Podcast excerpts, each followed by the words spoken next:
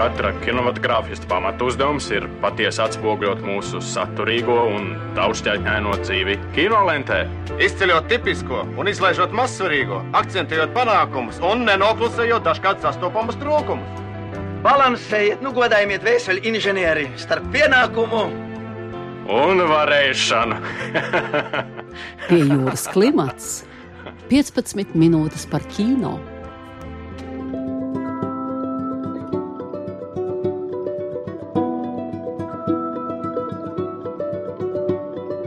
Oh, to see without my eyes.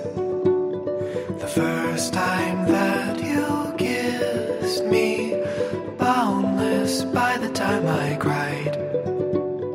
I built your walls around me. White noise, what an awful sound. Fumbling by Rogue River, feel my feet above the ground. Esiet sveicināti, mīļie radioklausītāji, pie jūras klimatā.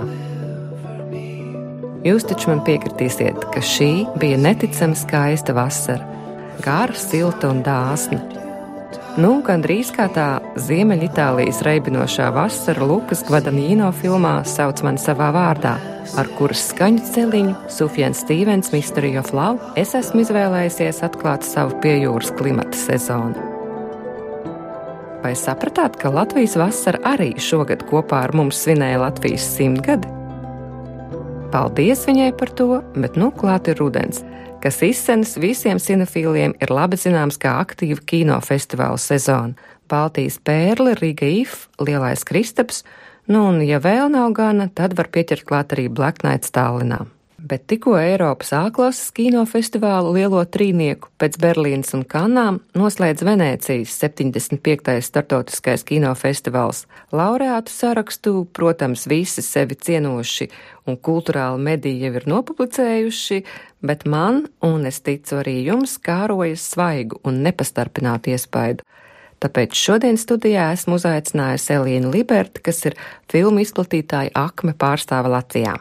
Tev šis nebija tāds mērķiecīgs, stingrs darba brauciens, un tomēr to ar tādu profesionālu intuīciju noskatījies gandrīz visas filmas, kuras beigās saņēma apbalvojumus.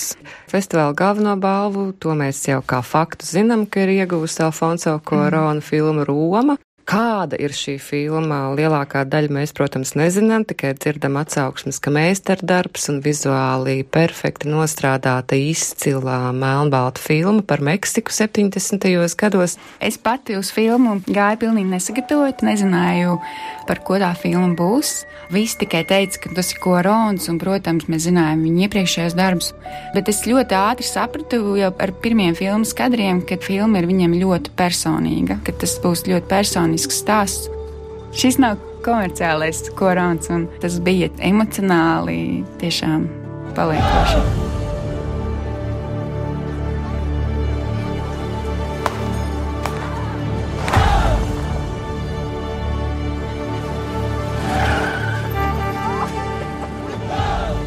Pateicības runu Meksikā dzimušais režisors teica trijās valodās - itāļu, angļu un savā dzimtajā spāņu. Filma balvu saņēma tās galvenās varonas Kleo prototipa dzimšanas dienā. Tātad zelta lauviņa bija tāda skaista un simboliska dzimšanas dienas dāvana. Venecijas lauvas nereti iezīmē arī ASV kino balvas Oskaru virzienu. Un interesanti, ka šī gada žūrijas vadītājs arī Meksikā dzimušais režisors Giljermo del Toro arī vispirms saņēma Venecijas zelta lauvu un tad Oskaru par savu filmu Ūdens formu. Un pavisam interesanti, lai neteiktu zīmīgi, ir tas, ka pēdējo piecu gadu laikā Oskars kā labākie režisori četras reizes dažādā secībā ir saņēmuši trīs meksikāņi - Alfonso Korons, Alessandro Injaritu un Giljermo del Toro. Vai tradīcija turpināsies arī šogad?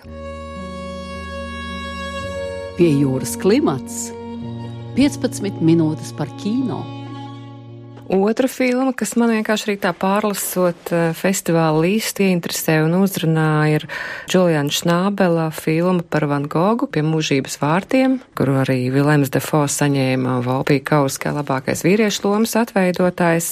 Arī šo filmu tu pamanījies noskatīties. Jā, es viņu skatījos tieši dēļ režisora. Tad arī šī filma, kas bija ļoti neviennozīmīgi uztvērta festivālā, taču pēc filmas ļoti liels ovācijas bija tieši pēc preses seansa. Un, nu jā, vizuāli, emocionāls stāsts. Kāpēc neviennozīmīgi tu teici, filma tika uztverta? Uh, man liekas, ka gaidīja varbūt kaut ko citādāk no režisora, un īsti arī varbūt nebija tā izpratnē, kāpēc viņš stāsta šo stāstu, bet es domāju, ka tur kaut kāda saknes ir meklējums tajā, ka pats režisors viņš ir glaznotājs. Un man liekas, ka arī viņam izstāstīt šo stāstu bija kaut kas personisks. Jā, režisors Julians Šnābels ir vispirms gleznotājs, un viņš savu galveno aktieri Van Goga lomas atveidotāju Vilēmu Defo filmas vajadzībām apmācīja gleznošanā. Savukārt Defo, kurš par Van Goga lomu Venecijā saņēma Volpī kausu kā labākais aktieris, filmas tapšanas laikā bija 62 gadus vecs, kamēr viņa atveidotais Vincents Van Gogs 37, un tas tikai vēlreiz apliecina šī, manuprāt, nu, tuvu ģeniālā aktiera pārtapšanas spējas. You know, it's not like I spent all my life wanting to play Van Gogh.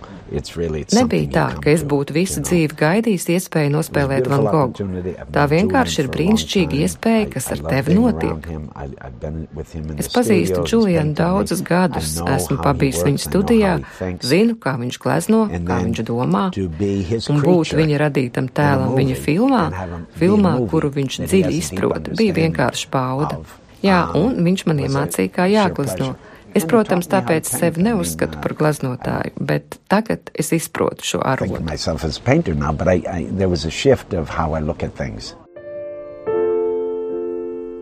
Julians Šnābels manā un noteikti vēl daudz cinefilu sirdīs iekrita un palika pēc skaudrās, vizuāli novatoriskās un emocionāli jutekliskās filmas Skafandrs un Tauriņš, kas uzņemta no varoņa skata punkta, kurš pēc smagas traumas spēja pakustināt vien plākstīņu. Filma satriec vizuāli un emocionāli, un skaņu celiņš, kuru jūs tagad dzirdat, ir skafandra un tauriņa muzikālā tēma, kuru radīs komponists Pols Kantelons.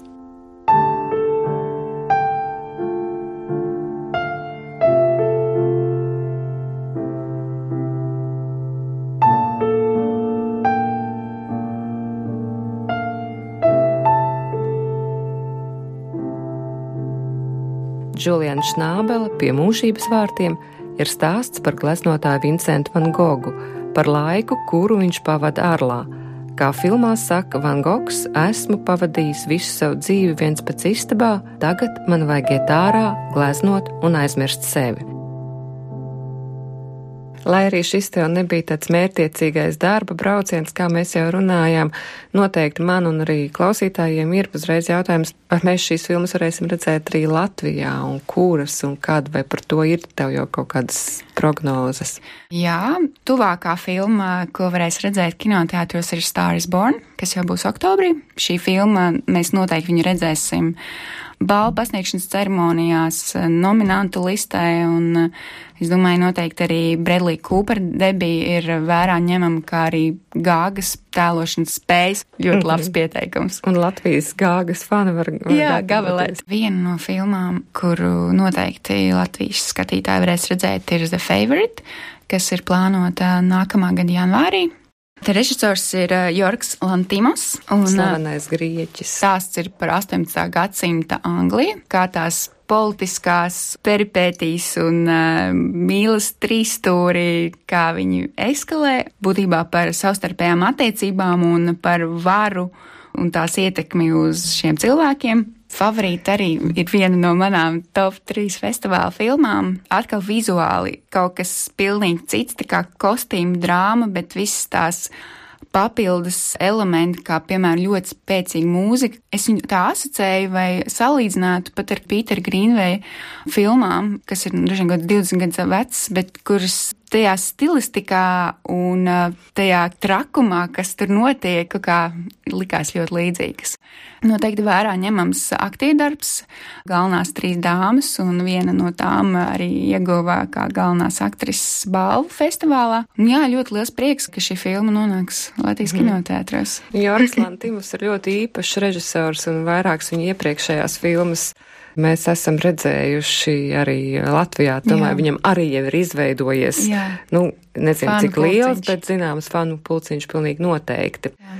Bet, Elīna, es zinu, ka tu esi saistīta arī ar vienu kādu Latvijas filmu, simtgades filmu, kura tiek pieteikta kā gada gaidītākā pirmizrāda Latvijā. Jā. Tā ir Homonovas Annas vidulējas filma, kas tapusi pēc Anšla Veglīša romāna Homonovas motīviem un radījusi jau intrigu. Jā, kāpēc šī ir gada gaidītākā pirmizrāde Latvijā? Droši vien eh, dēļ tā mēroga, kas ir ieguldīts gan tērpos, gan dekorācijās, gan eh, restaurējot eh, vizuāli Rīgu 30. gados, kā arī, protams, ir vērā ņemams aktieru dalību šajā projektā, kas ir vienkārši kā zvaigžņu aleja. Arī tas, ka Raimons Pāls sarakstīja mūziku, Un tas viss kopā tāda skaista konfekta, ko gribēs attaisīt ātrāk vaļā. Jā, nu šī konfekta, kā tu teici, tiks attīta jau pavisam drīz, pirmizrāda ir nākamnedēļ. Nākam trešdien, tad jau nu visā Latvijā no piekdienas un 28. septembra. Paldies, tev, Elīna, par viesošanos šodien pie jūras klimata studijā. Paldies! Un tiksimies kino seansos. Tur māca? Zeli? Nē, es jau pabeidzu Daugavpils mākslas skolu. Pirmo reizi Rīgā. Es atbraucu meklēt darbu. Es esmu mākslinieks. Ko te pa kafijas mājām jau sāc staigā? Kāpēc nenāc labot rāmis? Tā viņam vajadzēja tam malēnietim. Kurš to teica? Reti, kurš jau no mākslas vienas teica. Es gan ceru, ka varēšu. Uzmanību! Šis nu ir jādzird visiem! Mākslas nodaļa izsludina mākslinieku sacensību Kaspara Žibeikas prēmijas dēļ. Neapdrīz! Nekādas sacensības! Mēs taču neļausim aplaupīt mūsu draugus. Ar šaubām un bailēm jūs Rīgā tālu netiksiet. Viņš ir vairāk nekā slavens. Viņš ir nezināms. Es strādāju tikai ar cilvēku, kur pazīstu, ar tādu, par kuru man ir ko teikt. Man jūs redzat cauri.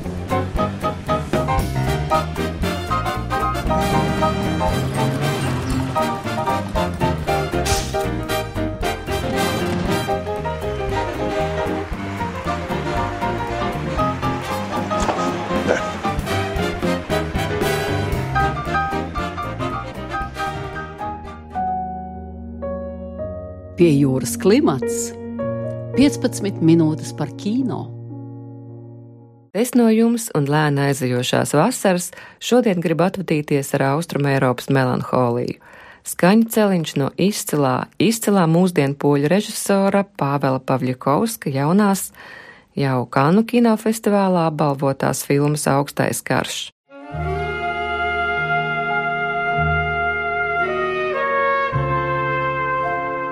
Šis melnbaltais meistardarbs kopā ar cita austrumēropieša ekscentriskā čeha Jana Švankmājera kukaiņiem, lai ir mana šī gada festivāla Baltijas pērli izvēle. Dwa serduszka, cztery oczy. Oj, oj, oj. Co płakały we dnie w nocy. Oj, czarne oczka, co płaczecie, że się spotkać nie możecie, że się spotkać nie możecie.